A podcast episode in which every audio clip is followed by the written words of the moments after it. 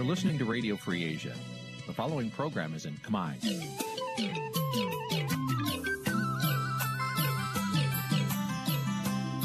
Nǐ chi càm bi tiệp xáy vệt chiu a zì sê ray នេះជាកម្មវិធីផ្សាយរបស់ Vithu Azisari ជាភាសាខ្មែរ វត្តឈូអាស៊ីសេរីសូមស្វាគមន៍លោកអ្នកនាងទាំងអស់ពីរដ្ឋធានី Washington នៃសហរដ្ឋអាមេរិក ផ្សាយផ្ទាល់ពីរដ្ឋធានី Washington នាងខ្ញុំសុជីវីសូមជម្រាបសួរលោកអ្នកនាងកញ្ញាដែលកំពុងតាមដានការផ្សាយរបស់ Vithu Azisari ទាំងអស់ជាទីមេត្រីចា៎យើងខ្ញុំសូមជូនកម្មវិធីផ្សាយសម្រាប់យប់ថ្ងៃច័ន្ទ800ខែមិគសេឆ្នាំឆ្លូវត្រីស័កពុរសករាជ2565ចាប់ត្រូវនឹងថ្ងៃទី27ខែធ្នូគ្រិស្តសករាជ2021ចាជាដំបូងនេះសូមអញ្ជើញលោកអ្នកនាងស្ដាប់ព័ត៌មានប្រចាំថ្ងៃដែលមានមេត្តាដូចតទៅ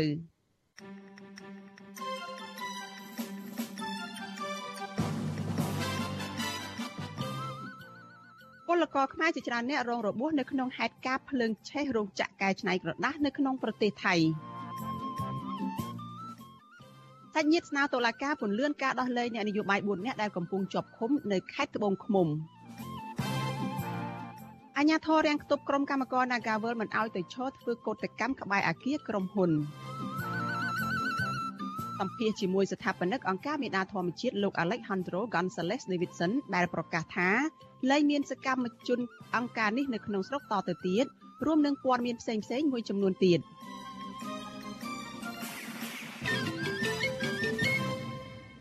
ចាជាបន្តទៅទៀតនេះនាងខ្ញុំសុជីវីសូមជូនព័ត៌មានទាំងនេះពិស្ដា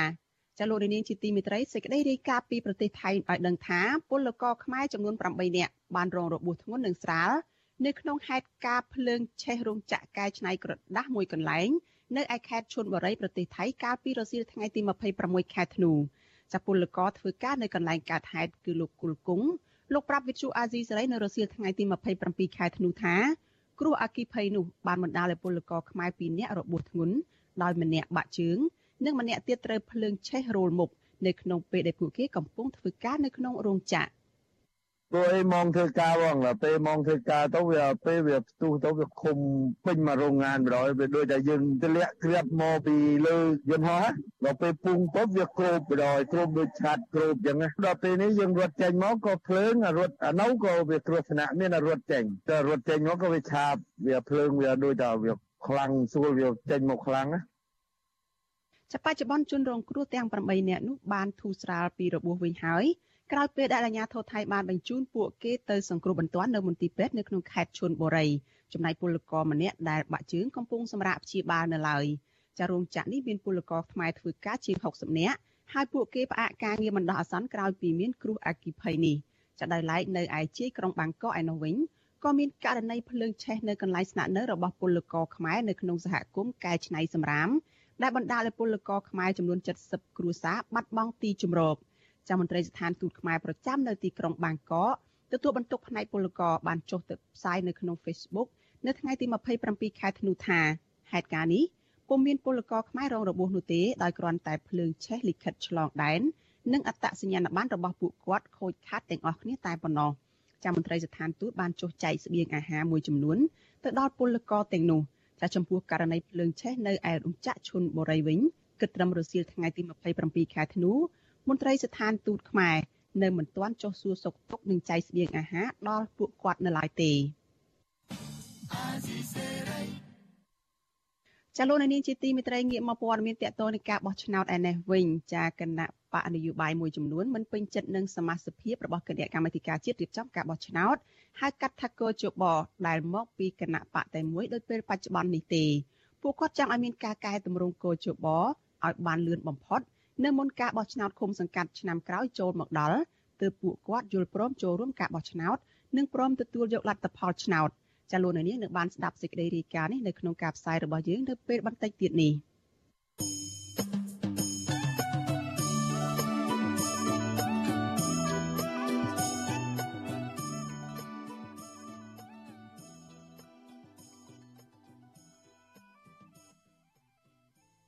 ចាលោកនាងកញ្ញាជាទីមេត្រីចាសេចក្តីរាយការណ៍ពីខេត្តត្បូងឃ្មុំឯណោះឲ្យដឹងថា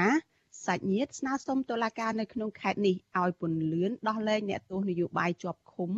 ចំនួននៅក្នុងសំណុំរឿងបទញុះញង់និងរួមគំនិតក្បត់មួយដែលមានចំនួន4នាក់ចុងក្រោយនោះឲ្យមានសេរីភាពឡើងវិញចាសសង្គមស៊ីវិលថាការដោះលែងអ្នកជាប់ឃុំផ្នែកនយោបាយ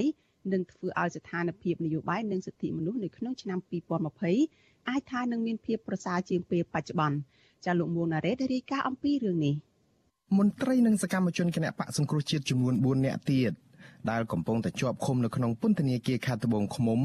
រួមមានលោកអ៊ុំយេតលោកម៉ាក់សំអាន លោកព្រៅច័ន្ទធឿននិងលោកស្រីខនតនអ្នកទាំង4អាចនឹងត្រូវដោះលែងជាបន្តបន្ទាប់ចាប់ពីថ្ងៃទី28ខែធ្នូទៅប្រពន្ធរបស់សមាជិកប្រតិបត្តិគណៈបកសង្គ្រោះជាតិក្រុងសួងលោកអ៊ុំយេតគឺលោកស្រីងួនផល្លា ឲ្យដឹងថាប្តីលោកស្រីនឹងត្រូវអាជ្ញាធរដោះលែងនៅព្រឹកថ្ងៃទី28ខែធ្នូក៏ប៉ុន្តែខាងមន្ត្រីពន្ធនាគារបានប្រាប់មកលោកស្រី ថាអាជ្ញាធរអាចពន្យាពេលឃុំខ្លួនលោកអ៊ុំយេតជាបន្តទៅទៀតដោយសារតែជនជាប់ឃុំរូបនេះមិនទាន់បង់លុយពិន័យចូលរដ្ឋចំនួន2លានរៀលឬប្រមាណ500ដុល្លារ ចង់ដឹងនោះលេងស្មាមានទេតែមិញហ្នឹងវាមានពាក្យថាតើតែយកលុយទៅបងវិន័យនៅតុលាការចឹងបានគេចេញពីខិតដោះលែងឲ្យចឹងមកខ្ញុំឆ្ងល់ហ្នឹងព្រោះអ្នកចេញមុនមុនអត់មានបងផាវិន័យទេលោកអ៊ុំយេតនិងសមាជិកបកប្រឆាំងព្រមទាំងសកម្មជនដីធ្លីសរុបចំនួន14នាក់ នៅឯខេត្តត្បូងឃ្មុំត្រូវសាលាធរខេត្តត្បូងឃ្មុំតម្កល់សាលក្រមសាលាដំបងដោយកាត់ទោសឲ្យពួកគាត់ជាប់ពន្ធនាគារចាប់ពី1ឆ្នាំឡើងទៅដល់7ឆ្នាំនៅក្នុងបទចោទញុះញង់ប្រព្រឹត្តបទអក្រិតជាអាតពាក់ព័ន្ធនឹងការជួបជុំគ្នាហូបនំបញ្ចុកត្រៀមទទួលដំណើរមាតុភូមិនិវត្តមេដឹកនាំបកប្រឆាំងលោកសំរងស៊ីកាលពីឆ្នាំ2019ប្រពន្ធរបស់សមាជិកក្រុមប្រឹក្សាជាប់ឆ្នោតមេឃុំមេមត់ លោកព្រៅច័ន្ទធឿនគឺលោកស្រីតាក់សាឡនឲ្យដឹងថាប្តីលោកស្រីនឹងត្រូវដោះលែងនៅពាក់កណ្ដាលខែមករាឆ្នាំ2022លោកស្រីមានបំណងស្នើសុំឲ្យតុលាការពន្យាការដោះលែងប្តីមុនកាលកំណត់ឲ្យបានលឿនបំផុតព្រោះលោកព្រៅច័ន្ទធឿនកើតគំរមាស់ខ្លាំងដែលពិបាកសម្រាប់ការរស់នៅក្នុងពន្ធនាគារបន្តទៅទៀត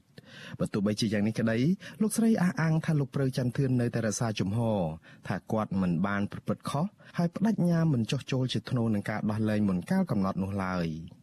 ឆន្ទៈរបស់គាត់គាត់និយាយថាគាត់ខ្លាចថាគាត់មិនចោះចូលគាត់ទុកចិត្តគាត់នៅចប់ក៏សិនតែគាត់ចោះចូល វិទ្យុអាស៊ីសេរីមិនអាចសុំការបញ្ជាក់ពីអ្នកនាំពាក្យក្រសួងយុតិធម៌លោកចិនម៉ាលីនបានទេនៅថ្ងៃទី27ខែធ្នូបើទោះបីជាយ៉ាងនេះក្តីមន្ត្រីអង្គការសង្គមស៊ីវិលជំរុញឲ្យតឡាការដោះលែងអ្នកជាប់ឃុំផ្នែកនយោបាយទាំងអស់ទើបអាចធ្វើឲ្យស្ថានភាពនយោបាយនិងសិទ្ធិមនុស្សមានភាពល្អប្រសើរសម្រាប់ឆ្នាំ2022ខាងមុខនាយករងអង្គការលីកាដូទទួលបន្ទុកផ្នែកសិទ្ធិមនុស្សលោកអំសំអាតពន្យល់ថាតាមច្បាប់អាជ្ញាធរពន្ធនាគារមិនអាចបន្តឃុំខ្លួនអ្នកនយោបាយណាម្នាក់ ឲ្យលើសថ្ងៃកំណត់ដោយសំអាងហេតុផលមិនទាន់បង់លុយពិន័យចូលរដ្ឋនោះទេលោកបញ្ជាក់ថាការបង់លុយពិន័យចូលរដ្ឋអាចអនុវត្តបានលុះត្រាតែដើមមិនដឹង គឺភាគីរដ្ឋាភិបាលជាតិដាក់ពាក្យប្តឹងទាមទារអនុវត្តសំណងទើបអាជ្ញាធរអាចអនុវត្តនីតិវិធីនេះបាន ទោសធននតនវាតលតែដើមមិនដឹងហ្នឹងគេប្តឹងដើម្បីសុំឲ្យអនុវត្តទោសធននតនអាហ្នឹងបានត្រូវជាប់ទោសបន្តទោសធននតនហ្នឹងគឺអ្នកដែលប្តឹងហ្នឹងជាអ្នកទទួលខុសត្រូវក្នុងការរ៉ាប់រងទៅលើការចំណាយក្នុងគាត់ជាប់ពន្ធនាគារអញ្ចឹងខ្ញុំនិយាយថាករណីនេះវាមិនអាចទៅរួចទេរ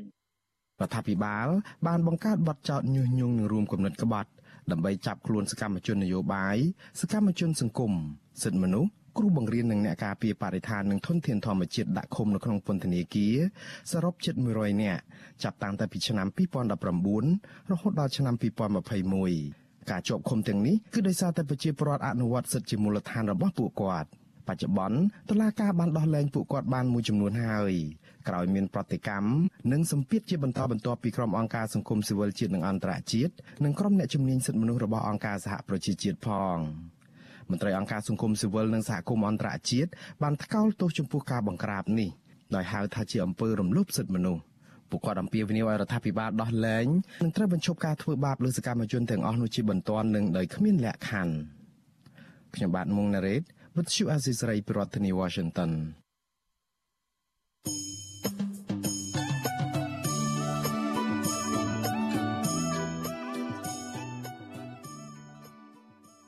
ចាលោកនាងកញ្ញាជាទីមេត្រីចាស្របគ្នានឹងការផ្សាយតាមបណ្ដាញសង្គម Facebook និង YouTube នេះចាលោកនាងក៏អាចស្ដាប់ការផ្សាយរបស់វិទ្យុអាស៊ីសេរីចាតាមរយៈវិទ្យុរលកធាតុអាកាសខ្លីចាតាមកម្រិតនិងកម្ពស់ដូចតទៅនេះចាប់ពេលព្រឹកចាប់ពីម៉ោង5កន្លះដល់ម៉ោង6កន្លះតាមរយៈរលកធាតុអាកាសខ្លីចា9390 kHz ស្មើនឹងកម្ពស់ 32m ចានឹង11850 kHz ស្មើនឹងកម្ពស់ 25m ចាប់ពេលយប់ចាប់ពីម៉ោង7កន្លះដល់ម៉ោង8កន្លះតាមរយៈរលកធាតុអាកាសខ្លី9390 kHz ស្មើនឹងកម្ពស់ 32m និង15155 kHz ស្មើនឹងកម្ពស់ 20m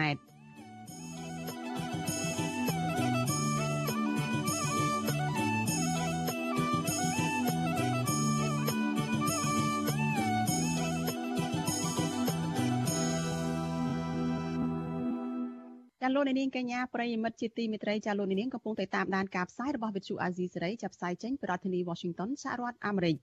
គណៈបកនយោបាយមួយចំនួនមិនពេញចិត្តនឹងសមាជិកភាពរបស់គណៈកម្មាធិការជាតិរៀបចំការបោះឆ្នោតហៅកាត់ថាកោជបដែលមានសមាជិកភាពមកតែពីគណៈបកតែមួយដោយពេលបច្ចុប្បន្ននេះទេពួកគាត់ចង់ឲ្យមានការកែតម្រង់កោជបនេះឲ្យបានលឿនបំផុតនៅមុនការបោះឆ្នោតឃុំសង្កាត់ដែលចូលមកដល់នៅឆ្នាំក្រោយ ទើបពួកគាត់ចូលរួមការបោះឆ្នោតនិងព្រមទទួលយកលទ្ធផលឆ្នោតចាសសូមស្ដាប់សេចក្តីរាយការណ៍របស់លោកទីនសការីយ៉ាអំពីរឿងនេះ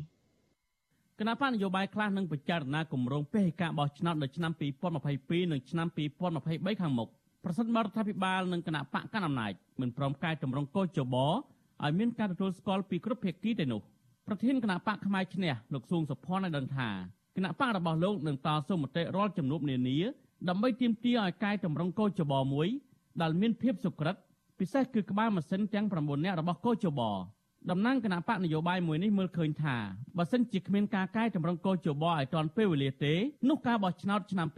2022នឹងក្លាយទៅជាការបោះឆ្នោតគ្មានន័យនិងគ្មានការទទួលស្គាល់ពីសហគមន៍អន្តរជាតិទៀតលោកថាគណៈបកផ្នែកឈ្នះក៏នឹងធ្វើពេកការម្ដងទៀតដែរនៅពេលនោះ។ គោជបនឹងសង្ឃឹមថានៅកណ្ដាលអញ្ចឹងបើសិនជាគោជបនៅកណ្ដាលគណៈបកផ្នែកឈ្នះត្រូវតែចូលរួមក្នុងការបោះឆ្នោតក៏ប៉ុន្តែដើម្បីផ្ដល់ភាពសុក្រិតដល់បកទូទៅទេគឺដើម្បីតែបកមួយអានឹងយើងនឹងពិចារណាក្នុងការចូលរួមលោកស៊ុងសុភ័ណ្ឌធ្លាប់ដឹកនាំគណៈបកអំណាចខ្មែរធ្វើពិធីការបោះឆ្នោតជាតិឆ្នាំ2018ម្ដងមកហើយ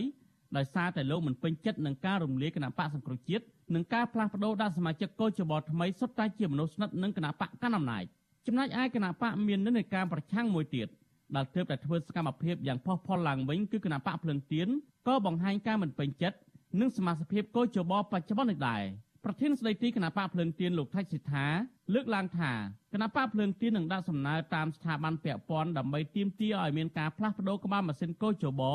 មុននឹងសម្រេចចិត្តថាចូលរួមឬធ្វើពិធីការបោះឆ្នោតម្ដងទៀតទោះជាយ៉ាងណាលោកមានសុតិធិនិយមថារដ្ឋាភិបាល នឹងពិចារណាកែតម្រង់កោជបថ្មីតាមសំណើ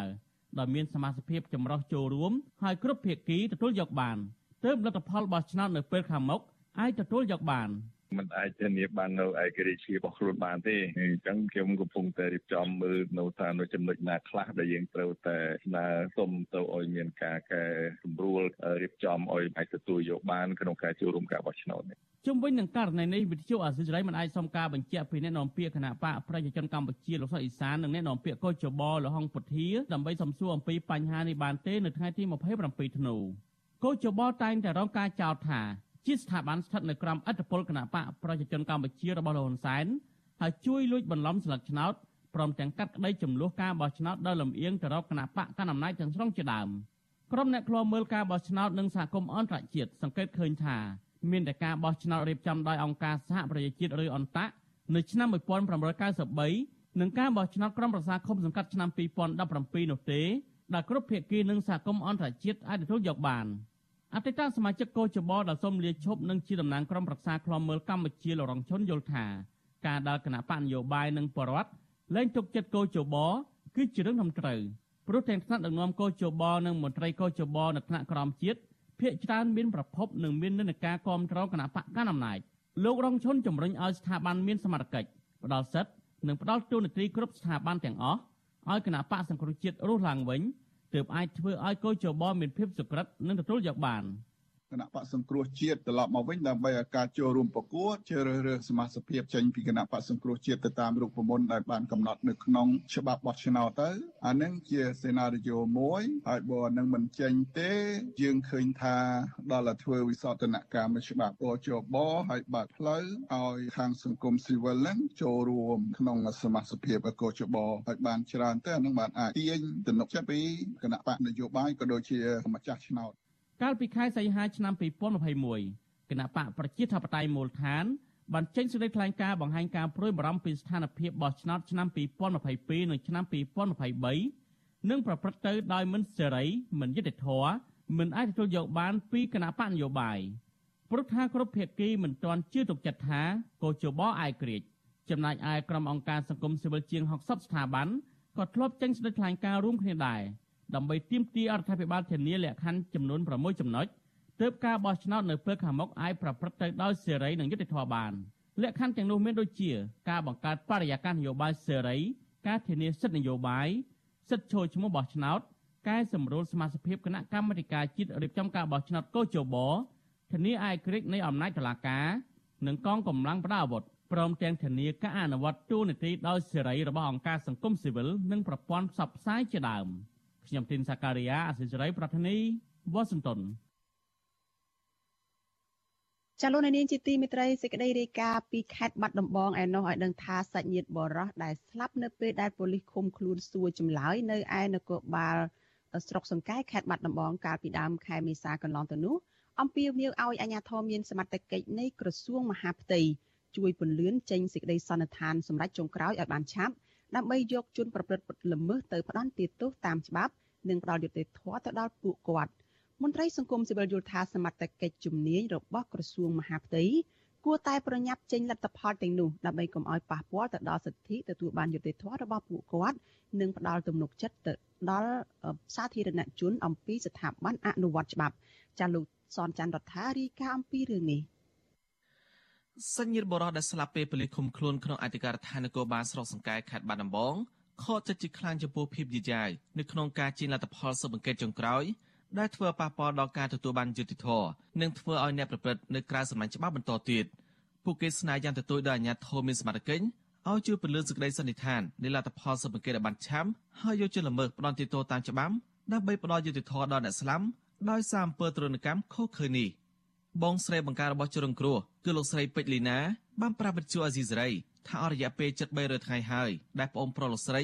មិនទាន់ទទួលបានយុត្តិធម៌ក្រោមអំពើទរណកម្មយ៉ាងព្រៃផ្សៃរហូតដល់ស្លាប់នេះលោកស្រីបន្តថាក្រោយពីសាច់ញាតិដាក់ពាក្យបណ្ដឹងនិងជួបបំភ្លឺតាមសមាជិកជាបន្តបន្ទាប់មកពួកគាត់នៅតែមិនទាន់ទទួលបានដំណឹងឬក៏លទ្ធផលសពង្កេតដដែលបងស្រីជនរងគ្រោះរំនេះឲ្យដឹងថាលោកស្រីបានសម្រេចទៅសាកសួរនៅនាយកដ្ឋានព្រំប្រទាននៃក្រសួងមហាផ្ទៃកាលពីថ្ងៃទី10ខែធ្នូ ដោយមន្ត្រីនៅទីនោះបញ្ជាក់ថាករណីនេះសមាជិកបានចុះសពង្កេតហើយបានចេញជារបាយការណ៍បញ្ជូនទៅថ្នាក់លើរួចហើយដើម្បីធ្វើសេចក្តីសន្និដ្ឋាននិងបញ្ជូនឲ្យគណៈកម្មការជាតិប្រឆាំងទរណកម្មធ្វើសេចក្តីសម្រេចក៏ប៉ុន្តែបច្ចុប្បន្នសំណុំរឿងនេះមិនទាន់ធ្វើសេចក្តីសន្និដ្ឋាននិងសម្រេចចុងក្រោយនៅឡើយទេ ករណីប្អូននាងខ្ញុំនេះបើសិនជាខ្ញុំអត់បានមកអញ្ចឹងក៏ខ្ញុំអត់បានដឹងដែរហើយចុះស៊ើបអង្កេតរហូតមកដល់ថ្ងៃនេះគឺ265ថ្ងៃហើយតើនៅតែមិនទាន់អាចសន្និដ្ឋានចេញសេចក្តីសម្រេចដើម្បីផ្ដល់យុត្តិធម៌ដល់អូននាងខ្ញុំដែលស្លាប់ទាំងអយុត្តិធម៌បានទៀតឬយ៉ាងណាអូនខ្ញុំស្លាប់ក្នុងពេលឃុំខ្លួនសួរចម្លើយតើហេតុអីមកដល់ថ្ងៃនេះហើយនៅតែមិនទាន់អាចចាប់ជនល្មើសយកមកផ្ដន្ទាទោសតាមច្បាប់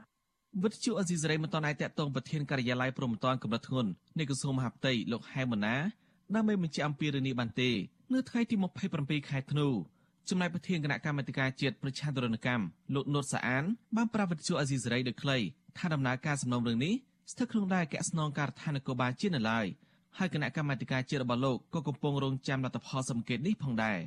ខាងខ្ញុំនេះអត់បានដឹងទេព្រោះខ្ញុំបានបញ្ជូនទៅខាងអគ្គស្នងការកោបាលហើយខាងខ្ញុំអត់មានរូបដៃជើងពេកទេខ្ញុំកំពុងតែរងចាំលទ្ធផលនឹងដែរដឹងយ៉ាងម៉េច កាលពីថ្ងៃទី16ខែមិថុនាកន្លងទៅគណៈកម្មាធិការជាប្រឆាំងទរណកម្មបានជារបាយការណ៍ស្រាវជ្រាវរបស់ខ្លួនដោយសន្និដ្ឋានថាជនរងគ្រោះឈ្មោះពេជ្រធរ៉េតអាចស្រាមម្ដងមកពីការវាយធ្វើទរណកម្មស្រាលឬធ្ងន់នៅក្នុងពេលដែលប៉ូលីសឃុំខ្លួននៅអធិការដ្ឋាននគរបាលស្រុកសង្កែក៏ប៉ុន្តែសមត្ថកិច្ចមិនបានចាប់ជនល្មើសមកផ្ដន់ទោសតាមច្បាប់នៅឡើយទេគណៈកម្មាធិការជាប្រឆាំងទរណកម្មបានរយសំណុំរឿងនេះទៅអគ្គស្នងការដ្ឋាននគរបាលជាតិដើម្បីស៊ើបអង្កេតបន្ថែម ក្រុមហេតុផលថាមន្ត្រីប៉ូលីសពាក់ព័ន្ធក្នុងខេត្តបាត់ដំបងផ្ដល់ចម្លើយផ្សេងផ្សេងគ្នាជុំវិញរឿងនេះមន្ត្រីសម្របសម្រួលសមាគមអាត6ខេត្តបាត់ដំបងលោកយឹមមីលីមានប្រសាសន៍ថាអង្គការសង្គមស៊ីវិលតាមដានរឿងនេះយ៉ាងយកចិត្តទុកដាក់ហើយមើលឃើញថាដំណើរការស៊ើបអង្កេតដើម្បីឈានដល់ការសម្រេចរបស់មន្ត្រីក្រសួងមហាផ្ទៃហាក់មានភាពយឺតយ៉ាវដែលប៉ះពាល់ដល់សិទ្ធិទទួលបានយុត្តិធម៌ហើយអាចធ្វើឲ្យប្រជាពលរដ្ឋអស់ជំនឿលើស្ថាប័ននេះលោកបន្ថែមថាសមត្ថកិច្ចក៏មិនសូវមានតំណែងជាប់លាប់ជាមួយសាច់ញាតិឬគ្រួសារជនរងគ្រោះ ដើម្បីធ្វើបច្ចុប្បន្នភាពអំពីដំណើរការសំណុំរឿងដែរដែលនាំឲ្យពលរដ្ឋត្រូវចំណាយពេលវេលាថវិកាច្រើនដើម្បីតាមដានរឿងរ៉ាវដោយខ្លួនឯងបន្ថែមទៀតលោកថាបើស្ថាប័នទៅនេះមានឆន្ទៈពិតប្រាកដហើយចង់ស្វែងរកយុត្តិធម៌ដល់ឯករាជ្យឥតលំអៀងជូនដល់ជនរងគ្រោះមែននោះវាមិនពិបាកឬក៏ស្មុគស្មាញសម្រាប់សមាជិកនោះទេ ពេលដែលឃើញសេវារបៀបហ្នឹងប្រជាពលរដ្ឋគាត់ខកចិត្តហើយខ្ញុំមើលឃើញថាការងារហ្នឹងដូចជាមិនច្រើនទេណាខ្ញុំតាមខ្ញុំដឹងមួយឆ្នាំមាន1 2ទេហើយហេតុអីបានជាវាស្មាញហ្នឹងគឺក៏ការងារហ្នឹងឲ្យតែពាក់ព័ន្ធជាមួយនឹងអ្នកមានអំណាចពាក់ព័ន្ធនឹងអ្នកមន្ត្រីគឺលំបាកអញ្ចឹងតែបើប្រជាពលរដ្ឋគេក្រប្រជាពលរដ្ឋមានអំណាចគាត់ចាត់ការលឿនឬក៏វាយ៉ាងម៉េចអាហ្នឹងគឺថាការអនុវត្តវាមានស្តង់ដារពីរកាលពីថ្ងៃទី3ខែមេសាបុរសម្នាក់ឈ្មោះពេជ្រធរ៉េតអាយុ31ឆ្នាំ មានមុខរបរជាជាងផ្សារដែកនៅក្នុងភូមិបោះពោឃុំអូរដបងមួយស្រុកសង្កែបានស្លាប់បាត់បង់ជីវិតនៅពេលដែលប៉ូលីសចាប់ឃុំខ្លួនសួរចម្លើយក្នុងអធិការដ្ឋាននគរបាលស្រុកសង្កែអស់រយៈពេលជាង3ម៉ោងការខកខ្លួននេះដោយសារប៉ូលីសសង្ស័យថាគាត់បានរៀបខ្សែភ្លើងអគ្គិសនីដើម្បីឆក់សម្លាប់ប្រពន្ធនៅក្នុងផ្ទះដោយសារភ្លើងប្រច័ណ្ឌក៏ប៉ុន្តែសាកសីអះអាងថាក្នុងពេលកើតហេតុគឺបរិសុទ្ធជាប្តីរូបនេះមិនបាននៅផ្ទះនោះទេប៉ុន្តែប៉ូលីសខេត្តបាត់ដំបងបកស្រាយថាលោកពេជ្រធរ៉េន ស្លាប់ដោយសារកាំងបេះដូងដោយសារប្រើប្រាស់គ្រឿងញៀនហួសកម្រិតក៏ប៉ុន្តែនៅពេលសាច់ញាតិពិនិត្យសាកសមឃើញមានស្នាមរបួសនិងចំពីងខ្លួនចាប់តាំងពីជើងរហូតដល់ក្បាលហើយមានហូរឈាមតាមច្រមុះនិងត្រចៀកព្រមទាំងមានស្នាមខោងនៅកន្លែងដាក់ខ្នោះហើយមានស្នាមចំខ្លាំងនៅកជើងទាំងពីរលើពីនេះសម្លៀកបំពាក់របស់ជនរងគ្រោះត្រូវបានផ្លាស់ប្ដូរហើយសាច់ញាតិអះអាងថាសមត្ថកិច្ចបានព្យាយាមរារាំងមិនឲ្យសាច់ញាតិនិងអ្នកកសែនពិនិត្យសាកសពទៀតផងអ្នកជំនាញនឹងគ្រួសារជនរងគ្រោះសន្និដ្ឋានថាស្នាមចំនឹងរបួស នៅលើដងខ្លួនសាកសពលោកពេជ្រធរ៉េតជាស្នាមរងទរណកម្មដោយការវិដំនិងឆក់ខ្សែភ្លើងខាងគណៈកម្មការជាប្រឆាំងទរណកម្មក៏បានចោទសង្កេតរកឃើញថាការសាររបស់ជនរងគ្រោះមានជាប់ពាក់ព័ន្ធនឹងការធ្វើទរណកម្មរបស់នគរបាលសោកសង្កែផងដែរបើទោះបីជាណាមកទល់ពេលនេះក្រុមនគរបាលសោកសង្កែដែលជាប់ពាក់ព័ន្ធសង្ស័យក្នុងករណីនេះនៅតែមានសេរីភាពដដែលខ្ញុំសនចាររថាវិទ្យុអេស៊ីសរ៉ៃរាយការណ៍ពីរដ្ឋធានីវ៉ាស៊ីនតោន ចាលោកនាងកញ្ញាប្រិយមិត្តជាទីមេត្រីចារឿងដាច់ដោយឡែកមួយទៀតស្ថាបនិកអង្គការមេដាធម្មជាតិប្រកាសថាលែងមានសកម្មជនរបស់អង្គការមេដាធម្មជាតិនៅក្នុងស្រុកទៀតហើយក៏ប៉ុន្តែអង្គការនេះក៏នៅតែមានសកម្មភាពការងារការពារបរិស្ថាននិងធនធានធម្មជាតិនៅកម្ពុជាដដែលតើអង្គការមេដាធម្មជាតិនឹងធ្វើការងារបរិស្ថាននិងធនធានធម្មជាតិនោះតាមរបៀបណាតើអង្គការនេះមានយុទ្ធសាស្ត្រអ្វីមានយុទ្ធសាស្ត្រអ្វីខ្លះ សម្រាប់សកម្មភាពការពារបរិស្ថាននិងធនធានធម្មជាតិចាសសូមលោកនាងរងចាំទស្សនាបទសម្ភាសជាមួយនឹងលោក Alejandro Gonzalez Davidson ដែលជាស្ថាបនិករបស់អង្គការមេដាធម្មជាតិនិងកញ្ញាភួនកែវរស្មីអតីតសកម្មជនអង្គការមេដាធម្មជាតិអំពីបញ្ហានេះនៅពេលបន្តិចទៀតនេះកុំបីខាន ចាលោកអ្នកនាងជាទីមេត្រីតកតងនឹងវិស័យទេសចរឯនេះវិញចាក្រោយពីរដ្ឋាភិបាលបានប្រកាសបិទបញ្ចាំព្រឹត្តិការណ៍ឆ្លងរាលដាលជំងឺ Covid-19 នៅក្នុងសហគមន៍20កុម្ភៈភ្ញៀវទេសចរនៅក្នុងស្រុកបានសម្រុកទៅទស្សនាតំបន់រមណីយដ្ឋានអង្គរកាន់តែច្រើនឡើងនៅក្នុងរយៈពេលជាងមួយសប្តាហ៍ចុងក្រោយនេះមន្ត្រីសង្គមស៊ីវិលចាត់ទុកបញ្ហានេះថាជាចំណុចចាប់ផ្ដើមនៃការបើកឡើងវិញនៃវិស័យទេសចរនៅតំបន់ប្រវត្តិសាស្ត្រនៃខេត្តសៀមរាប ចាលោកនាងនឹងបានស្ដាប់សេចក្តីរាយការណ៍នេះពិស្ដានៅក្នុងការផ្សាយរបស់យើងនៅពេលបន្តិចទៀតនេះលោកនាងកញ្ញាជាទីមេត្រីចាព័ត៌មានតកតនឹងការតវ៉ារបស់ក្រុមកម្មករបុគ្គលិកនៅឯកាស៊ីណូ Nagaworld ឯនេះវិញអាជ្ញាធររាជធានីភ្នំពេញបានដាក់ពង្រាយកងកម្លាំងសមត្ថកិច្ចចម្រុះរាប់រយនាក់ដើម្បីរាំងខ្ទប់ក្រុមកម្មករ Nagaworld មិនឲ្យចេញពីទីតាំងធ្វើកោតកម្ម នៅម្ដុំសួនច្បារទៅតវ៉ានៅក្បែរក្រុមហ៊ុនបានឡើយហេតុនេះនាំឲ្យមានចាហេតុការនេះនាំឲ្យមានការរុញច្រានគ្នាកើតឡើងក្រោយពេលដែលក្រុមកោតក្រជាង1000នាក់បាននាំគ្នាបដូរទីតាំងទៅធ្វើកោតកម្មនៅទីធ្លាកណ្ដាលសួនច្បារទៅឈរក្បែរឯទៅឈរក្បែរអាគារក្រុមហ៊ុន Nagavel ទី1ដើម្បីបង្ខំឲ្យថៅកែពន្លឿនដំណោះស្រាយបញ្ចប់វិវាទការងារមួយនេះចាលោកជីវិតារាយការណ៍អំពីរឿងនេះ ការធ្វើកតកម្មថ្ងៃទី10នៅខាងមុខក្រុមហ៊ុន Nagavel ឈានដល់ការរុញច្រានដាក់គ្នាមួយប្រាវរវាងក្រមកោតក្រនិងកម្លាំងអាជ្ញាធរគណៈដំណោះស្រាយវិវាទការងារមួយនេះនៅមិនទាន់មានលទ្ធផលណាមួយអាចទទួលយកបាននៅឡើយបុគ្គលិកផ្នែកកាស៊ីណូលោកស្រីរិនផល្លាប្រាប់អាស៊ីសេរីនៅថ្ងៃទី27ធ្នូថាការសម្រេចចិត្តផ្លាស់ប្តូរទីតាំងឈរធ្វើកោតកម្មនេះដោយសារពួកគាត់សង្កេតឃើញថា ភាគីក្រុមហ៊ុនមិនសូវខ្វាយខ្វល់ដោះស្រាយបញ្ចប់វិវាទការងារមួយនេះទេចាប់តាំងពីផ្ដើមធ្វើកោតកម្មថ្ងៃទី18ខែធ្នូមកលោកស្រីបន្តថាក្នុងពេលមានការរួចច្រានគ្នានោះខាងកម្លាំងសន្តិសុខព្យាយាមដណ្ដើមយកឧបករណ៍បំពងសម្លេងពីក្រុមកោតក្រដែលចាំបាច់ប្រើប្រាស់ដើម្បីស្រែកតវ៉ារកដំណោះស្រាយពីក្រុមហ៊ុន លោកស្រីយល់ថាអញ្ញាធមមិនគួររារាំងពួកគាត់មិនឲ្យទៅតវ៉ាខាងមុខក្រុមហ៊ុននោះទេ ព្រោះថាការតវ៉ានេះធ្វើឡើងដោយសន្តិវិធី យើងជាកោតកោយកចង់ជួបបញ្ហាបែបហ្នឹងទេព្រោះយើងប្រើដោយសន្តិវិធីមិនប្រើប្រាស់ហិង្សាទៅលើ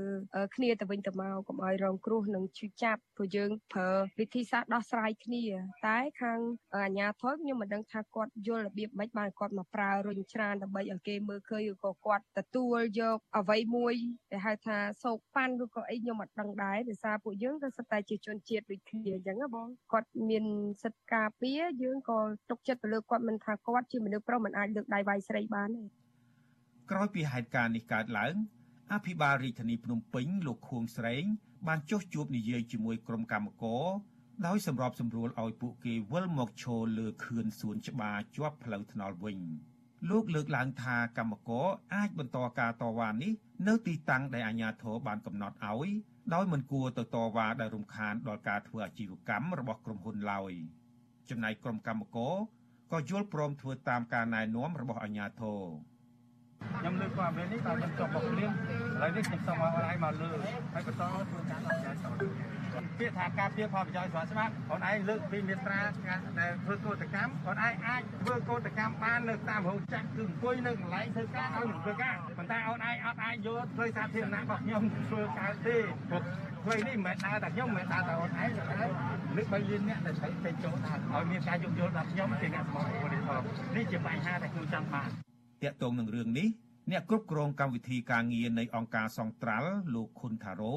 ដែលនៅឃ្លាំមើលការតវ៉ានេះនិយាយថា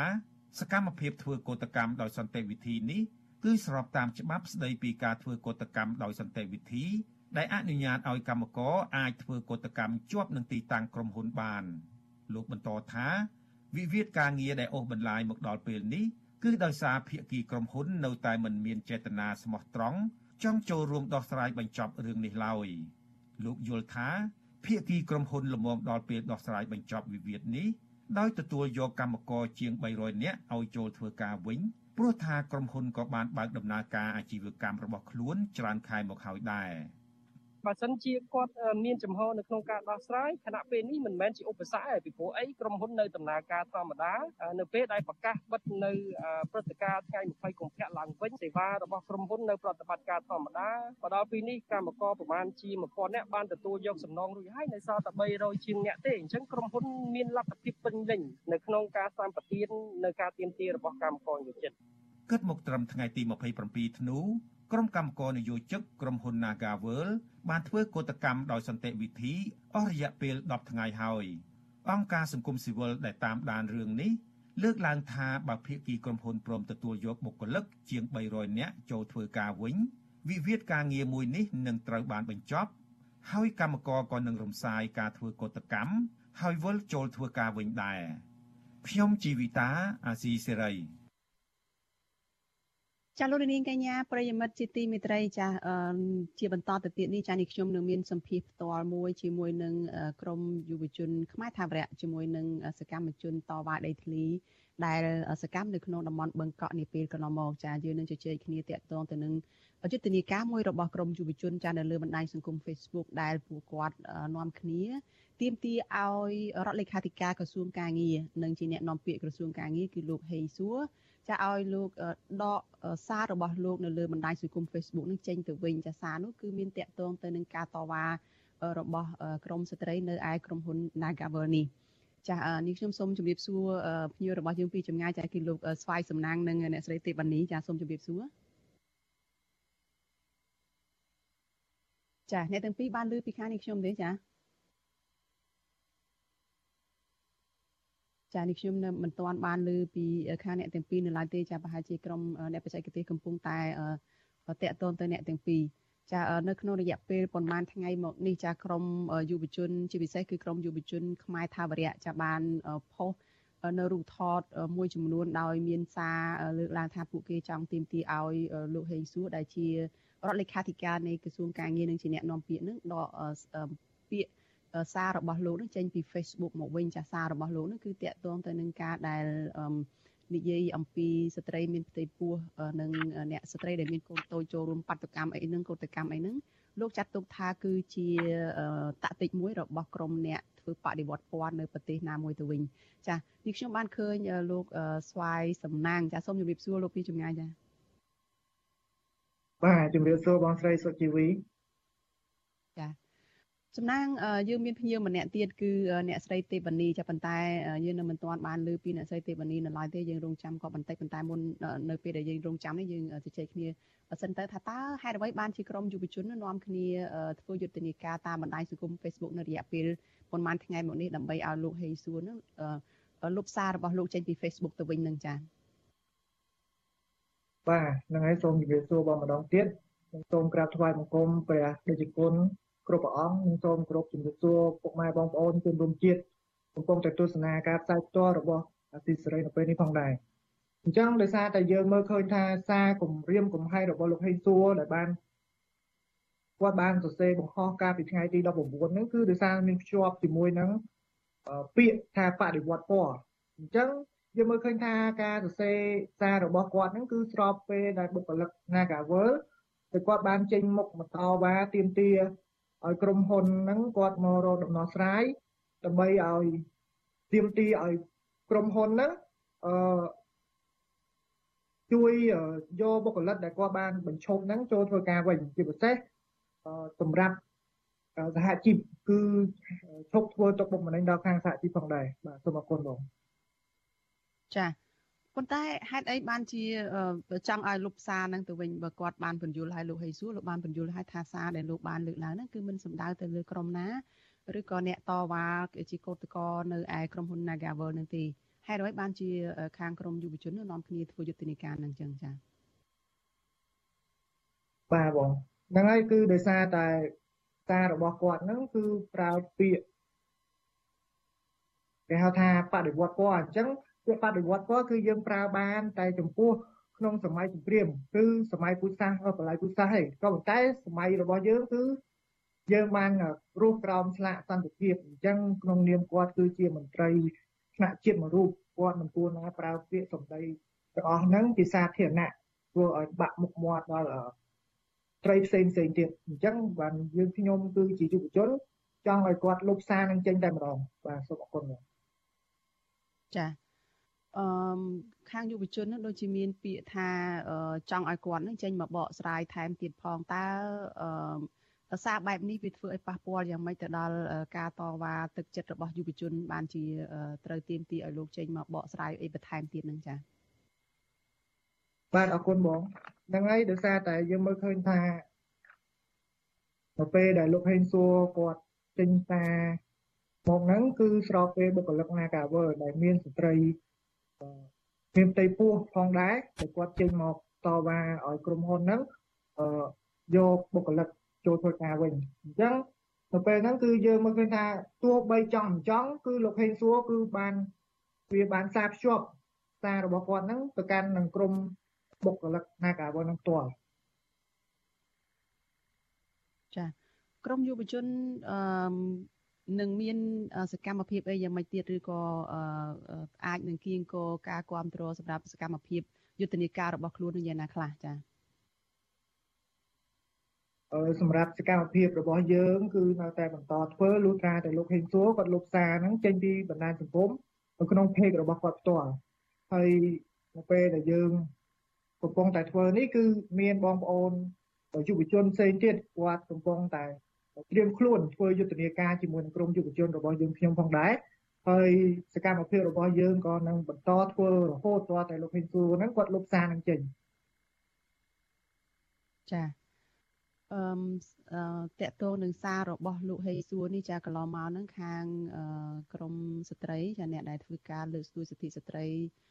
ការពារស្ត្រីហ្នឹងគាត់បានលើកឡើងហើយថាវាអាចជាការដែលធ្វើឲ្យមានការបន្ទុចបង្អាក់ ធ្វើឲ្យក្រមស្ត្រីហ្នឹងមានការភ័យខ្លាចដោយសារតែការនោះអាចជាការលៀបពណ៌ធ្វើឲ្យស្ត្រីហ្នឹងគាត់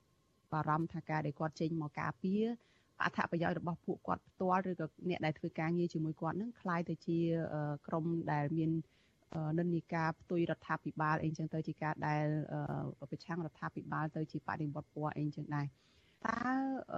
ចំពោះផលប៉ះពាល់ទៅលើយុវជនវិញតើសារនេះអាចនឹងមានផលប៉ះពាល់យ៉ាងម៉េចទៅដល់យុវជនដែលមានទឹកចិត្តចង់ចូលរួមការតវ៉ាការការពារផលប្រយោជន៍អ្នកដែលធ្វើការនៅកន្លែងការងារឬក៏អ្នកដែលធ្វើការងារសង្គមអីហ្នឹងចា៎បាទហ្នឹងហើយជាពិសេសគឺយុវជនដែលយើងតែចេញមកទៀមទាតវ៉ាសិទ្ធិសេរីភាពសិទ្ធិមនុស្សឬក៏ សិទ្ធិសេរីភាពរបស់ប្រជាពលរដ្ឋហ្នឹងគឺយើងមើលឃើញថាតែងតែមានការ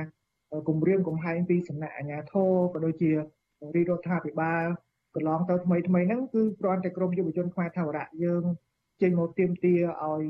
សាលាការក៏ដោះលែងលោកគ្រូរងឈុនក៏ត្រូវបានគេចាត់ចងនេះគ្រាន់តែយើងប្រើសិទ្ធិក្នុងនាមយើងជាយុវជនក្នុងនាមយើងជាប្រជាពលរដ្ឋដែលបានចែងសិទ្ធិនៅក្នុងរដ្ឋធម្មនុញ្ញហើយយើងគ្រាន់តែប្រើសិទ្ធិរបស់យើងបែរជា អាជ្ញាធរគាត់មករៀបរៀងក៏ដូចជាចាត់យុវជនដាក់ពន្ធនាគារជាដើមហ្នឹងអញ្ចឹងគឺយើងមិនចង់ឲ្យមានរឿងទាំងអស់ហ្នឹងកើតឡើងបន្តទៀតទេហើយយើងមើលឃើញថាការចូលរួមការតវ៉ារបស់យុវជនផ្សេងៗហ្នឹងគឺមិនដែលចេញទៅគឺរលូនទេគឺតែតែមានការរៀបរៀងពីអាជ្ញាធររបស់រដ្ឋាភិបាលបាទអរគុណបងចា៎ ចាពាក្យមួយដែលគាត់លើកឡើងថាការដែលស្ត្រីប្រើប្រាស់ស្ត្រីមានផ្ទៃពោះស្ត្រីមានកូនតូចអនិច្ចជននៅក្នុងការតវ៉ាដោយយើងឃើញថាមានស្ត្រីមានផ្ទៃពោះអីដែលគាត់កំពុងតវ៉ានៅខាងជាមួយក្រុមហ៊ុនអឺជំទាស់ទៅនឹងទៀមទីឲ្យក្រុមហ៊ុន Nagavel គាត់ជួបុគ្គលិកចូលធ្វើការវិញអីហ្នឹងអាចថាជាអឺជាការដែលតាក់ទិចរបស់អ្នកអឺ ធ្វើបដិវត្តពណ៌ដូចជាធ្វើឲ្យមានបញ្ឆេះកំហឹងឬក៏ធ្វើឲ្យអឺមានសមានចិត្តពីសាធារណជនអីអញ្ចឹងទៅហើយនៅពេលណាដែលមានការបង្ក្រាបណាមួយធ្វើប៉ះពាល់ទៅដល់ស្ត្រីមានផ្ទៃពោះឬក៏អនិច្ចជនឬក៏ស្ត្រីមានកូនតូចនឹងតើចំពោះអឺលោកសំណាងលោកយល់ឃើញថាយ៉ាងម៉េចតើរឿងនេះវាអញ្ចឹងទេឬក៏ស្ត្រីមានផ្ទៃពោះគាត់មានសិទ្ធិមានសេរីភាពរបស់ពួកគាត់នៅក្នុងការតវ៉ាអឺ នៅពេលដែលមានបញ្ហាណាមួយកើតទៅលើពួកគាត់ដែលកំពុងតែធ្វើការនៅកន្លែងការងាររបស់គាត់នឹងទេចា៎ពុនបាទមែនតើទៅគឺយើងមើលឃើញថាប្រជាពលរដ្ឋទាំងមូលគឺគាត់មិនចង់ចេញមកតវ៉ាទាមទារអ្វីទេបើសិនជាពួកគាត់មិនមានផលប៉ះពាល់ដល់ពួកគាត់ជាពិសេសយើងមើលឃើញថាបុគ្គលិក Nagavel គឺគាត់ចេញមកតវ៉ាទាមទារសិទ្ធិសេរីភាពរបស់គាត់ក៏ដូចជាខាងសហជីព ឲ្យមានគឺថាក្រុមហ៊ុនត្រូវតែផ្ដល់សិទ្ធិខាងសហជីពឲ្យធ្វើការឡើងវិញហ្នឹងគឺបើសិនជាมันមានផលប៉ះពាល់ដល់ពួកគេទេពួកគាត់ទេគឺពួកគាត់មិនចេញមកតវ៉ាបែបនេះទេបាទនេះគឺយើងមើលឃើញថាក្រមស្ត្រីដែលមានផ្ទៃពោះក៏ដូចជាស្ត្រីមានកូនខ្ចីហ្នឹងគាត់ចេញមកតវ៉ាហ្នឹងគឺគឺដោយសារតែគាត់កំពុងតែរងផលប៉ះពាល់ពីសំណាក់ក្រុមហ៊ុនអញ្ចឹង ក្រុមហ៊ុនក៏ដូចជាលោកភេងសួរដែលគឺជាអ្នកនាំពាក្យក្រសួងកាងារគាត់គួរតែរកដំណោះស្រាយមួយជូនបុគ្គលិកក៏ដូចជាក្រុមហ៊ុនផងដែរគាត់មិនគួរណាប្រើសារគម្រាមថាការប្រើប្រាស់អនិច្ចជនឬស្ត្រីជាពិសេសស្ត្រីមានផ្ទៃពោះហ្នឹងធ្វើធ្វើបាតកម្មហ្នឹងគឺជាក្បួនរបស់ចលចលនាបដិវត្តពណ៌អញ្ចឹងគឺខ្ញុំអត់ចង់ឲ្យលោកហេងសួរគាត់ប្រើភាសាបែបហ្នឹងទេគួរគួរតែរកមួយ ដើម្បីជូនផលប្រយោជន៍ជូនកម្មករឬក៏ក្រុមហ៊ុនផ្ទាល់បាទសូមអរគុណបាទចាអឺលោកសំណាងតើក្រមយុវជននឹងធ្វើអ្វីទៀតទេក្រៅតែពីបង្ហោះសារនៅលើ Facebook នឹងតើនឹងមានសកម្មភាពអ្វីផ្សេងទៀតចាឬក៏មានបាទសម្រាប់យុទ្ធនាការដែលយើងលើកពីដាទៀមទាឲ្យលោកហេងសួរចេញមុខមកបកស្រាយក៏ដូចជា ចេញមុខមកសុំទោសហើយមួយទៀតគឺលោកសារនឹងចេញពីបណ្ដាញសង្គមគឺពួកយើងនៅតែទៀមទាពួកយើងនៅតែធ្វើរហូតហើយកម្មភាពរបស់យើងហ្នឹងគឺនៅតែបន្តធ្វើពេលនេះគឺយើងលើកពីដាហើយនៅថ្ងៃក្រោយទៀតហើយឥឡូវហ្នឹងគឺយើងកំពុងតែរៀបចំទីធ្វើវីដេអូឃ្លីបវីដេអូខ្លីៗដើម្បីស្នើទៅកាន់លោកខេងសួរឲ្យលោកសារនឹងចេញ ក៏ដូចជាបើសិនជាលោកហេងសួរមិនព្រមលោកសារនឹងចេញទេ គឺយើងនឹងដាក់លិខិតដាក់ញត្តិទៅកាន់ក្រសួងការងារនឹងផ្ទាល់បាទសូមអរគុណបងចាអរគុណច្រើនស្វាយសំណាងដែលជាយុវជនតែថាបរិយដែលបានផ្ដល់ការសម្ភាសឲ្យយើងនៅយុគសោកស្ដាយដែរដែលយើងជិមតាក់ទងទៅអ្នករបស់យើងយុគតែมันអាចឡើយ ចានេះខ្ញុំសូមអរគុណលោកស្វាយសំណាងចាសូមអរគុណហ្មងសូមជម្រាបលាចាលោកនាងជាទីមេត្រីចាតកតងទៅនឹងការប្រឡងបាក់ឌុបនៅថ្ងៃនេះវិញម្ដង ចាក្រសួងអប់រំថាការប្រឡងបាក់ឌុបនៅឆ្នាំនេះដំណើរការដោយរលូនបើទោះបីជារកឃើញថាមានបេក្ខជនឆ្លងជំងឺ Covid-19 ចំនួន2រូបក៏ពិតមែន ប៉ុន្តែប្រធានសមាគមគ្រូបង្រៀនកម្ពុជាឯករាជ្យនៅតែបារម្ភពីបញ្ហា Covid នេះនិងរិះគន់បញ្ហាសមាជិកភាពលើសលប់នៃស្ថាប័នរបស់សហភាពសហព័ន្ធយុវជនកម្ពុជាហៅកាត់ថាសសយកចូលរួមពិនិត្យដំណើរការប្រឡងនេះចាលោកលេងម៉ាលីមានសេចក្តីរាយការណ៍អំពីរឿងនេះក្រសួងអប់រំយុវជននិងកីឡាអះអាងថា ដំណើរការប្រឡងបាក់ឌុបឆ្នាំនេះ គឺមានការរឹតបន្តឹងវិធានការសុខាភិបាល និងរឹតបន្តឹងការប្រឡងដើម្បីការពារជំងឺ Covid-19 និងពង្រឹងគុណភាពសញ្ញាបត្រមធ្យមសិក្សាទុតិយភូមិឆ្នាំ2021រដ្ឋមន្ត្រីក្រសួងអប់រំយុវជននិងកីឡាលោកហងជួននរិនថ្លែងប្រាប់អ្នកកសែតក្នុងពេលចុះបើកពិញ្ញាសាប្រឡងនៅវិទ្យាល័យស៊ីសវ័តនៅព្រឹកថ្ងៃទី27ធ្នូថាដំណើរការថ្ងៃទី1នៃការប្រឡងបាក់ឌុបប្រព្រឹត្តទៅដោយរលូន ដោយសារតែវិធានការការពារទប់ស្កាត់ជំងឺ Covid តឹងរឹងលោកបន្តថាយុវជនដែលធ្លាក់បាក់ឌុបឆ្នាំនេះនឹងមិនមានការប្រឡងជាលើកទី2ដូចឆ្នាំ2014ឡើយព្រោះក្រសួងបានផ្ដល់អធិភាពច្រើនរួចមកហើយចំពោះសិស្សថ្នាក់ទី12ដូចជាការបង្រៀនតាមអនឡាញនិងរៀនតាមសាលាក្នុងអំឡុងពេលបើកដំណើរការរៀនឡើងវិញម្យ៉ាងទៀតក្រសួងអប់រំចង់ពង្រឹងគុណភាពសញ្ញាបត្រមធ្យមសិក្សាទុតិយភូមិ ដើម្បីកុំឲ្យសិស្សមានការបាក់ទឹកចិត្តនិងទទួលការរើសអើងក្រោយការបញ្ចប់ការសិក្សាថាជាសញ្ញាបត្រដែលគ្មានតម្លៃឬសញ្ញាបត្រកូវីដជាដើម។ អ្វីដែលជាការព្រួយបារម្ភដំបូងរបស់ក្រសួង គឺជំងឺ Covid ក៏ប៉ុន្តែយើងឃើញថានៅពេលបច្ចុប្បន្ននេះគឺដោយសារយើងអាចគ្រប់គ្រងជំងឺ Covid បានដូច្នេះដំណើរការការប្រឡងនេះដោយប្រកដីសឹងតែដោយពេលមុនមានជំងឺ Covid ប៉ុន្តែក្រសួងនៅតែតម្រូវឲ្យបុគ្គលិកអប់រំនិងសិស្សានុសិស្សត្រូវគោរពតាមបទដ្ឋានរបស់ក្រសួងសុខាភិបាលនិងបទបញ្ញត្តិដែលក្រសួងអប់រំ យុវជននិងកីឡាដាក់ចេញទោះជាយ៉ាងនេះក្តីក្រសួងអប់រំបានរកឃើញបេក្ខជនពីររូបមានជំងឺ Covid-19 ប៉ុន្តែលោកនាយករដ្ឋមន្ត្រីហ៊ុនសែនអនុញ្ញាតឲ្យប្រឡងបាក់ឌុបដោយបេក្ខជនដទៃទៀតដែរដោយត្រូវចូលរួមប្រឡងនៅមណ្ឌលព្យាបាលជំងឺ Covid-19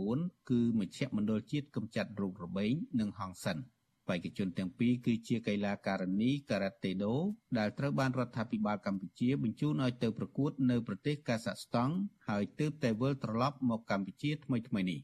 ចំពោះបញ្ហាសុខភាពរបស់បេក្ខជនផ្សេងៗទៀតក្រសួងអះអាងថាមានចំនួន25ករណី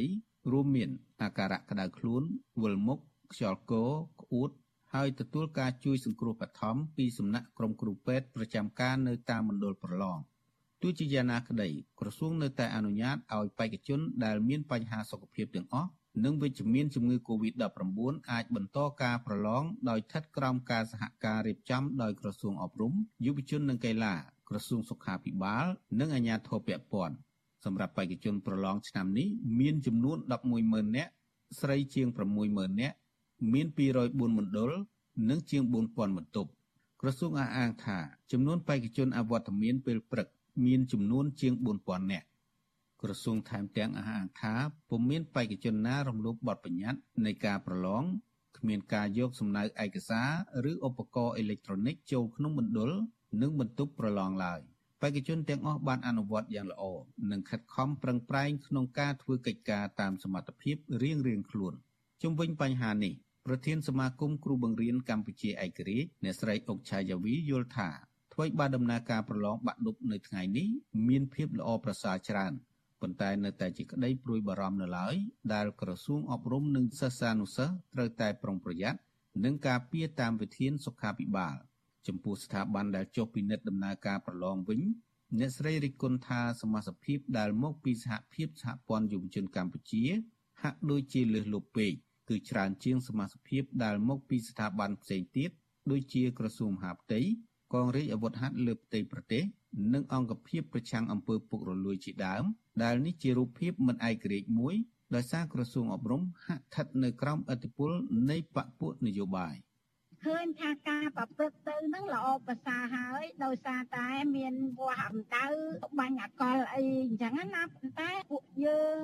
បារម្ភបំផុតនោះដោយសារតែមានបេក្ខជនប្រឡងមានកើតកូវីដទោះបីយកពួកគាត់ទៅដាក់នៅកន្លែងធ្វើចតាលិស័កបដាហើយប្រឡងបដាក្តីតែគាត់នៅក្នុងការបារម្ភពីបញ្ហាសុខភាពគាត់ក៏ដូចជាក្មួយក្មួយជាបេក្ខជនប្រឡងនៅថ្ងៃទី1នេះដែរ ក្រសួងអប់រំយុវជននិងកីឡាបានចេញសេចក្តីប្រកាសព័ត៌មានស្តីពីការរៀបចំការប្រឡងសញ្ញាបត្រមធ្យមសិក្សាទុតិយភូមិដោយចាប់ផ្ដើមដំណើរការប្រឡងពីថ្ងៃទី27ដល់ថ្ងៃទី28ធ្នូក្រោយពីមានការបូកស្រង់ពិន្ទុនិងផ្ទៀងផ្ទាត់ពិន្ទុរួចក្រសួងនឹងប្រកាសលទ្ធផលបាក់ឌុបនៅថ្ងៃទី18ខែមករាឆ្នាំ2022សម្រាប់រាជធានីភ្នំពេញ នៅថ្ងៃទី19ខែមករាឆ្នាំ2022សម្រាប់បណ្ដាខេត្តផ្សេងផ្សេងទៀតខ្ញុំបាទលេងម៉ាលីវិទ្យុអស៊ីសេរីរាយការណ៍ពីរដ្ឋធានី Washington ចាលោកនាងជាទីមេត្រីលោកអ្នកកំពុងតែតាមដានការផ្សាយរបស់វិទ្យុអាស៊ីសេរីចាប់ផ្សាយចេញពីរដ្ឋធានី Washington សហរដ្ឋអាមេរិកចាក្រោយពីដែលរដ្ឋាភិបាលប្រកាសបិទបញ្ចប់ព្រឹត្តិការណ៍ឆ្លងជំងឺ Covid-19 នៅក្នុងសហគមន៍20កុម្ភៈភ្ញៀវទេសចរក្នុងស្រុកបានសម្រុកមកទស្សនាតំបន់រមណីយដ្ឋានអង្គរកាន់តែច្រើន នៅរយៈពេលមួយសប្តាហ៍ចុងក្រោយនេះចាមន្ត្រីសង្គមស៊ីវិលចាត់ទុកបញ្ហានេះថាជាចំណុចចាប់ផ្ដើមនៃការបើកឡើងវិញនៃវិស័យទេសចរនៅតំបន់ប្រវត្តិសាស្ត្រខេត្តសៀមរាបចាលោកមួងណារ៉េតមានសេចក្តីរាយការណ៍ដាច់ដライមួយទៀតអំពីរឿងនេះ ពលរដ្ឋភៀកច្រើនដែលមិនសូវបានធ្វើដំណើរកំសាន្តជាង2ឆ្នាំមកហើយដោយសារតែការរីករាលដាលនៃជំងឺ Covid-19 នោះបាននាំគ្នាដើរទស្សនាកំសាន្តទៅតំបន់ទេសចរប្រវត្តិសាស្ត្រនៅក្នុងខេត្តសៀមរាបយ៉ាងច្រើនកកកុញនៅរយៈពេលជាង2សប្តាហ៍កន្លងមកនេះពលរដ្ឋខេត្តសៀមរាបថាកំណើនភ្ញៀវទេសចរនៅក្នុងស្រុកកើនឡើងដូចនេះដោយសារតែក្រសួងសុខាភិបាលរាយការណ៍ថាជំងឺ Covid-19 បានធូរស្បើយច្រើនក៏ប៉ុន្តែពួកគាត់នៅតែពាក់ម៉ាស់និងបាញ់អាកុលប្រុងប្រយ័ត្នជានិច្ច អ្នករត់ម៉ូតូកង់3នៅក្នុងក្រុងសៀមរាបលោកសង្ដាប្រពន្ធជូអាស៊ីសេរីនៅថ្ងៃទី27ខែធ្នូថាភ្ញៀវទេសចរនៅក្នុងស្រុកភៀកច្រើនរិះថាំនៅក្នុងការចំណាយនៅពេលដែលដើរកម្សាន្តនៅតំបន់អង្គរដោយសារតែវិបត្តិជំងឺ Covid-19 ទើបតែធូរស្បើយលោកបញ្ជាក់ថាភ្ញៀវទេសចរខ្មែររស់នៅរាជធានីភ្នំពេញនិងតាមបណ្ដាខេត្តនានាបានមកលេងកម្សាន្តនៅខេត្តសៀមរាបកើនឡើងកាន់តែច្រើនក្រោយពីរដ្ឋាភិបាលប្រកាសបិទបញ្ចប់ព្រឹត្តិការណ៍ឆ្លងជំងឺ Covid-19 នៅក្នុងសហគមន៍20កុម្ភៈ លោកបន្ថែមថាបច្ចុប្បន្នលោកអាចរកប្រាក់ចំណូលពីការដឹកភ្ញៀវទេសចរចាប់ពី30000រៀលដល់100,000រៀលទោះបីគាត់មកគាត់ដើរលេងក៏គាត់រៀនពីខាំដែរហើយបើថាគាត់ដូចថាលើជិះកង់3ចឹងទៅតថ្លៃតថ្លៃតធូរថ្លៃទៅបើអត់ទៅបើរៀនថ្លៃក៏គាត់ទៅដែរអញ្ចឹងអ្នកទៅចាយក៏ចាយមែនបងបើដឹងថាកូវីដ2ឆ្នាំនេះម្នាក់ម្នាក់អស់លុយរៀងខ្លួនហ្នឹង ចំណែកឯបុគ្គលិកសន្តាគារមួយនៅក្នុងក្រុងសៀមរាបគឺលោកអាងឆាលឲ្យដឹងថាពលានយន្តហោះខេត្តសៀមរាបបានបើកដំណើរការវិញជិតមួយសប្តាហ៍មកហើយដោយមានយន្តហោះដឹកនាំភ្ញៀវបរទេសយ៉ាងហោចណាស់ក៏មួយគ្រឿងជារៀងរាល់ថ្ងៃលោកថាវិស័យទេសចរកំពុងតែងើបឡើងវិញជាបណ្ដាបណ្ដាធ្វើឲ្យភោជនីយដ្ឋានកន្លែងលក់វត្ថុអនុស្សាវរីយ៍និងកន្លែងផ្ដល់សេវាកម្មរាប់រយកន្លែងបើកដំណើរការវិញហើយ រីឯបុគ្គលិករាប់ពាន់នាក់កំពុងតែចាប់ផ្ដើមមានការងារធ្វើក្រោយពីផ្អាកជាង2ឆ្នាំមកនេះដែលគាត់លក់ដូរតាមផ្លូវអីហ្នឹងខ្ញុំឃើញគាត់ភាគច្រើនគឺគាត់ដំណើរការលក់វិញធម្មតាដូចកាលមុនហ្នឹងប៉ុន្តែខ្ញុំសួរគាត់ទៅចំនួននៃការលក់វាអត់ដូចមុនអញ្ចឹងណាវាថយតែតែហាងខ្លះឃើញលក់ដាច់ដែរតែហាងខ្លះទៅបើកបដាបដាតែឃើញហាក់ដូចជាចាំថាវាមានដំណើរការរស់រវើកឡើងវិញបដាបដាអញ្ចឹងណា ក្រោយពីរីករាលដាលជំងឺ Covid-19 កាលពីដើមឆ្នាំ2020ទីក្រុងអង្គរខេត្តសៀមរាប បានប្រែក្លាយទៅជាកន្លែងស្ងប់ស្ងាត់ពុំធ្លាប់មានបណ្ដាលឲ្យសន្តាគារជាង200កន្លែងនិងកន្លែងផ្ដល់សេវាភ្ញៀវទេសចរជាច្រើនកន្លែងផ្សេងទៀតត្រូវបង្ខំចិត្តបិទទ្វាររីឯពលរដ្ឋជាង12000នាក់បាត់បង់ការងារធ្វើនិងប្រាក់ចំណូលវិទ្យុអាស៊ីសេរីបានព្យាយាមតាក់ទងសុំការបំភ្លឺរឿងនេះពីអ្នកនាំពាក្យក្រសួងទេសចរលោកតបសុភ័ក្រនិងអ្នកនាំពាក្យសាលាខេត្តសៀមរាបលោកលីសំរិទ្ធ ក៏ប៉ុន្តែតាក់ទងមិនទាន់បាននៅឡើយទេនៅថ្ងៃទី27ខែធ្នូដោយទូរស័ព្ទហៅចូលច្រើនដងតែគ្មានអ្នកលើកចំណែកឯអ្នកនាំពាក្យអាជ្ញាធរអប្សរាលោកលងកសលនិងប្រធានមន្ត្រីទេសចរខេត្តសៀមរាបលោកងៅសេងកាក់ក៏វិទ្យុអាស៊ីសេរីមិនអាចតាក់ទងបាននៅឡើយដែរក៏ប៉ុន្តែលោកងៅសេងកាក់បានប្រាប់កាសែតក្នុងស្រុកថាបច្ចុប្បន្នសន្តាគារបានបើកដំណើរការឡើងវិញចំនួន31សន្តាគារនិង75ផ្ទះសំណាក់ហើយមានបុគ្គលិកជាង400នាក់កំពុងធ្វើការងារ។ ជាមួយរឿងនេះប្រធានសមាគមមគ្គទេសអង្គរលោក QT សង្កេតឃើញថាក្រុមមគ្គទេសអង្គរជិត5000នាក់បានផ្អាកការងារជាង2ឆ្នាំដោយសារតែវិបត្តិជំងឺ Covid-19 ហើយបច្ចុប្បន្នកំពុងតែចាប់ផ្ដើមដំណើរការឡើងវិញដោយក្រុងមួយថ្ងៃយ៉ាងហោចណាស់មានមគ្គទេសអង្គរ5នាក់កំពុងតែបំពេញការងារឬក៏ដើរភ្ញៀវលោកថាពលរដ្ឋខ្មែរកំពុងតែកំសាន្តសប្បាយនៅក្នុងក្រុងអង្គរដោយសារតែឃុំខ្លួននៅក្នុងផ្ទះជាច្រើនខែក្នុងពេលរីករាលដាលនៃជំងឺ Covid-19 នោះ ពួកចិនអត់មានមកទេនិយាយរមុនគេរំពឹងថាជនជាតិចិនគេមកលេងច្រើនដល់ពេលនេះអត់មានចិនមកលេងបណ្ដោយអត់មានចិនបងអត់អត់ទេឥឡូវនេះក្នុងស្រុកច្រើនណាស់នៅក្នុងស្រុកគេដើរលេងសម្បាបងអត់មានខ្លាចបារម្ភឆ្លងគូអីទេមិនមានដើរលេងសប្បាយហ្នឹងហើយ ចំណែកឯប្រធានសមាគមប្រជាធិបតេយ្យឯករាជ្យនៃសេដ្ឋកិច្ចក្រៅប្រព័ន្ធលោកវុនពៅផ្ដល់ជាទស្សនៈថានៅគ្រាដែលភ្ញៀវទេសចរនៅក្នុងស្រុកកើនឡើងអាជ្ញាធរខេត្តសៀមរាបគួរតែត្រៀមខ្លួនដើម្បីផ្ដល់លក្ខណៈងាយស្រួលផ្នែកសន្តិសុខនិងពិនិត្យមើលតម្លៃសេវាទេសចរឲ្យបានសមរម្យលោកថារដ្ឋក៏ត្រូវតែបង្កលក្ខណៈងាយស្រួលដល់ការប្រកបមុខរបរដល់អាជីវករនិងអ្នកដែលធ្វើការសេដ្ឋកិច្ចក្រៅប្រព័ន្ធ គឺរដ្ឋត្រូវបង្កលក្ខណៈងាយស្រួលក្នុងការប្រកបមុខរបរអាជីវកម្មរបស់បងប្អូនប្រជាពលរដ្ឋនៅទីនោះជាពិសេសអ្នកធ្វើការសេដ្ឋកិច្ចក្រៅប្រព័ន្ធដែលសារខ្លួនភ្ជាប់ទៅនឹងវិស័យទេសចរមួយផងដែរត្រូវរៀបចំកន្លែងគាត់លក់ដូរឲ្យបានសមរម្យកន្លែងរត់លមករត់អីមានចំណតចតសមរម្យក្នុងការទទួលភ្ញៀវទេសចរក្នុងស្រុកនេះឯងអានេះគឺជាចំណុចសំខាន់ណាស់ របាយការណ៍របស់ក្រសួងទេសចរឲ្យដឹងថានៅក្នុងរយៈពេល10ខែឆ្នាំ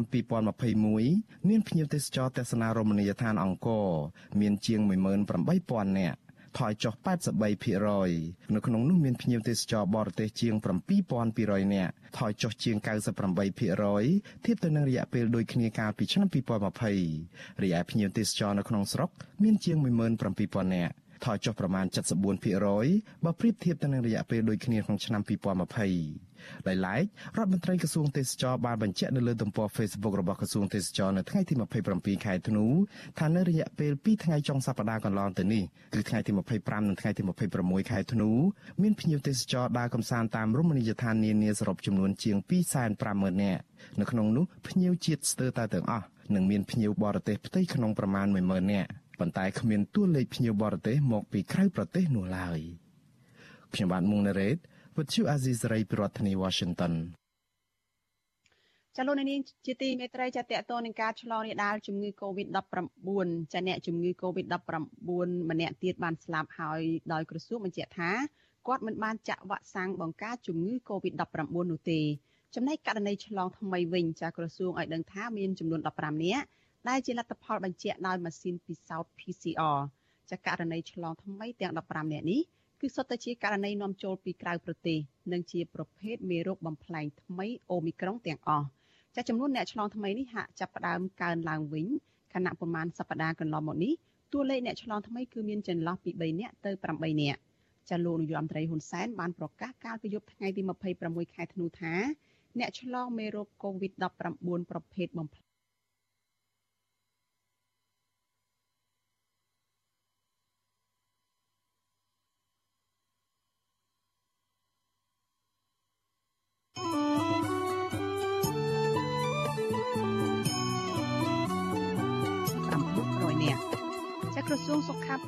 កាសថាគិតត្រឹមថ្ងៃទី25ខែធ្នូរដ្ឋាភិបាលចាក់វ៉ាក់សាំងជូនពលរដ្ឋដែលគ្រប់អាយុបានប្រមាណ10 10លាន1សែននាក់សម្រាប់ដូសទី1និងជាង9លាន7សែននាក់សម្រាប់ដូសទី2ចំណែកកុមារនិងយុវជនដែលមានអាយុពី5ឆ្នាំដល់17ឆ្នាំវិញក្រសួងបញ្ជាក់ថាបានចាក់វ៉ាក់សាំងបានប្រមាណ4លាននាក់នៅក្នុងអ្នកដែលត្រូវចាក់សរុបជាង4លាននាក់ ចាលោកនាងជាទីមេត្រីសកម្មជននិងអ្នកស្រឡាញ់ប្រជាធិបតេយ្យជាច្រើន បន្តដំណើរតស៊ូមតិដើម្បីឲ្យមានការផ្លាស់ប្តូរជីវវិជ្ជមាននៅកម្ពុជាប៉ុន្តែដំណើរនឹងការតស៊ូនេះរងឧបសគ្គគ្មានពេលស្រាកស្រានដោយសារតែការធ្វើទុកបុកម្នេញពីសំណាក់អាជ្ញាធរនៃរដ្ឋាភិបាលលោកហ៊ុនសែន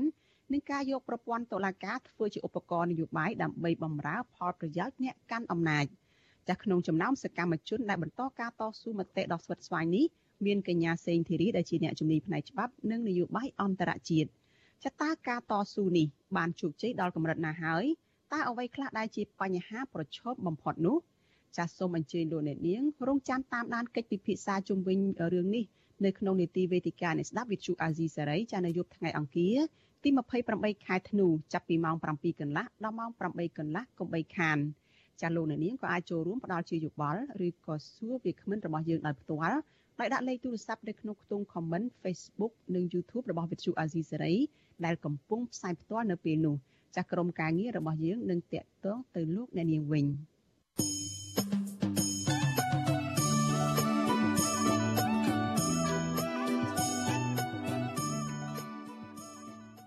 ចលនានាងកញ្ញាប្រិយមិត្តជាទីមេត្រីចាដំណើរគ្នានឹងការផ្សាយផ្ទាល់តាមបណ្ដាញសង្គម Facebook និង YouTube នេះចាលោកនាងក៏អាចស្ដាប់ការផ្សាយរបស់ Vithu Azizi Serai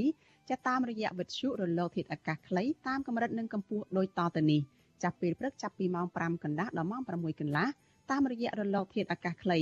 9390 kHz ស្មើនឹងកម្ពស់ 32m និង11850 kHz ស្មើនឹងកម្ពស់ 25m ចាប់ពេលយប់ចាប់ពីម៉ោង7កន្លះដល់ម៉ោង8កន្លះតាមរយៈរលកធាតុអាកាសខ្លី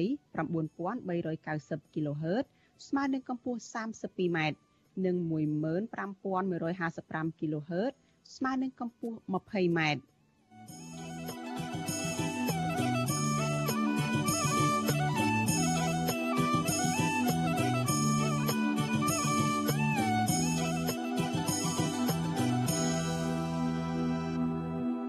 លោកអ្នកនាងជាទីមេត្រីចាតកតងទៅនឹងចំនួនដីធ្លីរ៉ាំរ៉ៃនៅឯតំបន់ឃុំឡពីងឯនោះវិញ ចាតំណាងប្រជាប្រដ្ឋដែលមានចំនួនដីធ្លីជាមួយនឹងក្រុមហ៊ុន KDC ដាក់ពាក្យស្នើសុំពន្យាពេលចូលខ្លួនទៅបំភ្លឺនៅក្នុងសវនកម្មនៅសាលាឧទ្ធរនៅរាជធានីភ្នំពេញដោយសារតែតំណាងពលរដ្ឋម្នាក់ជាប់ឃុំនៅពន្ធនាគារនៅក្នុងខេត្តកំពង់ឆ្នាំងតំណាងសហគមន៍ឡពីងលោកស្រីអ៊ុំសុភីប្រាប់វិទ្យុអាស៊ីសេរីនៅថ្ងៃទី27ខែធ្នូថារដ្ឋបាលសាលាឧទ្ធរបានទទួលយកលិខិតស្នើសុំនេះហើយ លោកស្រីបន្តថាមូលហេតុដែលពួកគាត់សូមពន្យាពេលចូលសវនកម្មជាលើកទី2នេះដោយសារតែលោករាជសីមានៅមិនទាន់ត្រូវតុលាការខេត្តកោះកុងសម្រេចឲ្យនៅក្រៅឃុំឡើយពាក់ព័ន្ធនឹងចំនួនដីធ្លីជាមួយនឹងពលរដ្ឋម្នាក់ចាលោកស្រីបញ្ជាក់ថាលោករាជសីមាគឺជាមនុស្សសំខាន់ដែលទទួលបានមូលបទានប័ត្រគ្មានសាច់ប្រាក់ជិត20000ដុល្លារពីក្រុមហ៊ុនរបស់អ្នកស្រីជាខេងដែលជាភរិយារបស់លោកស៊ុយសែមរដ្ឋមន្ត្រីក្រសួងរ៉ែនិងធម្មពល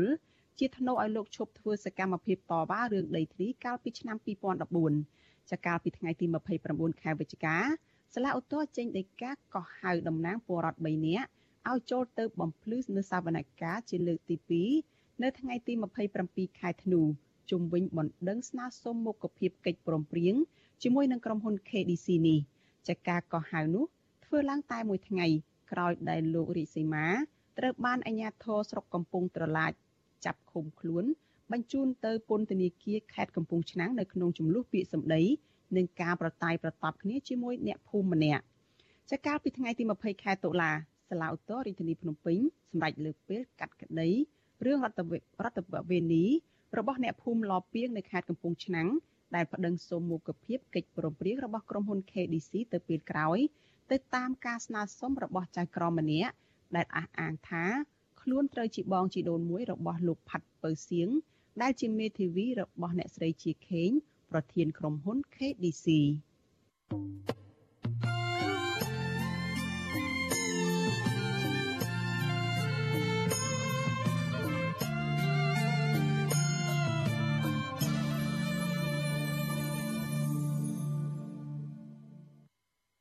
ចលនានាងកញ្ញាប្រិយមិត្តជាទីមេត្រីចាតតងទៅនឹងការងារការពីបរិស្ថាននិងធនធានធម្មជាតិឯនេះចាស់ស្ថាបនិកអង្គការមេដាធម្មជាតិប្រកាសថា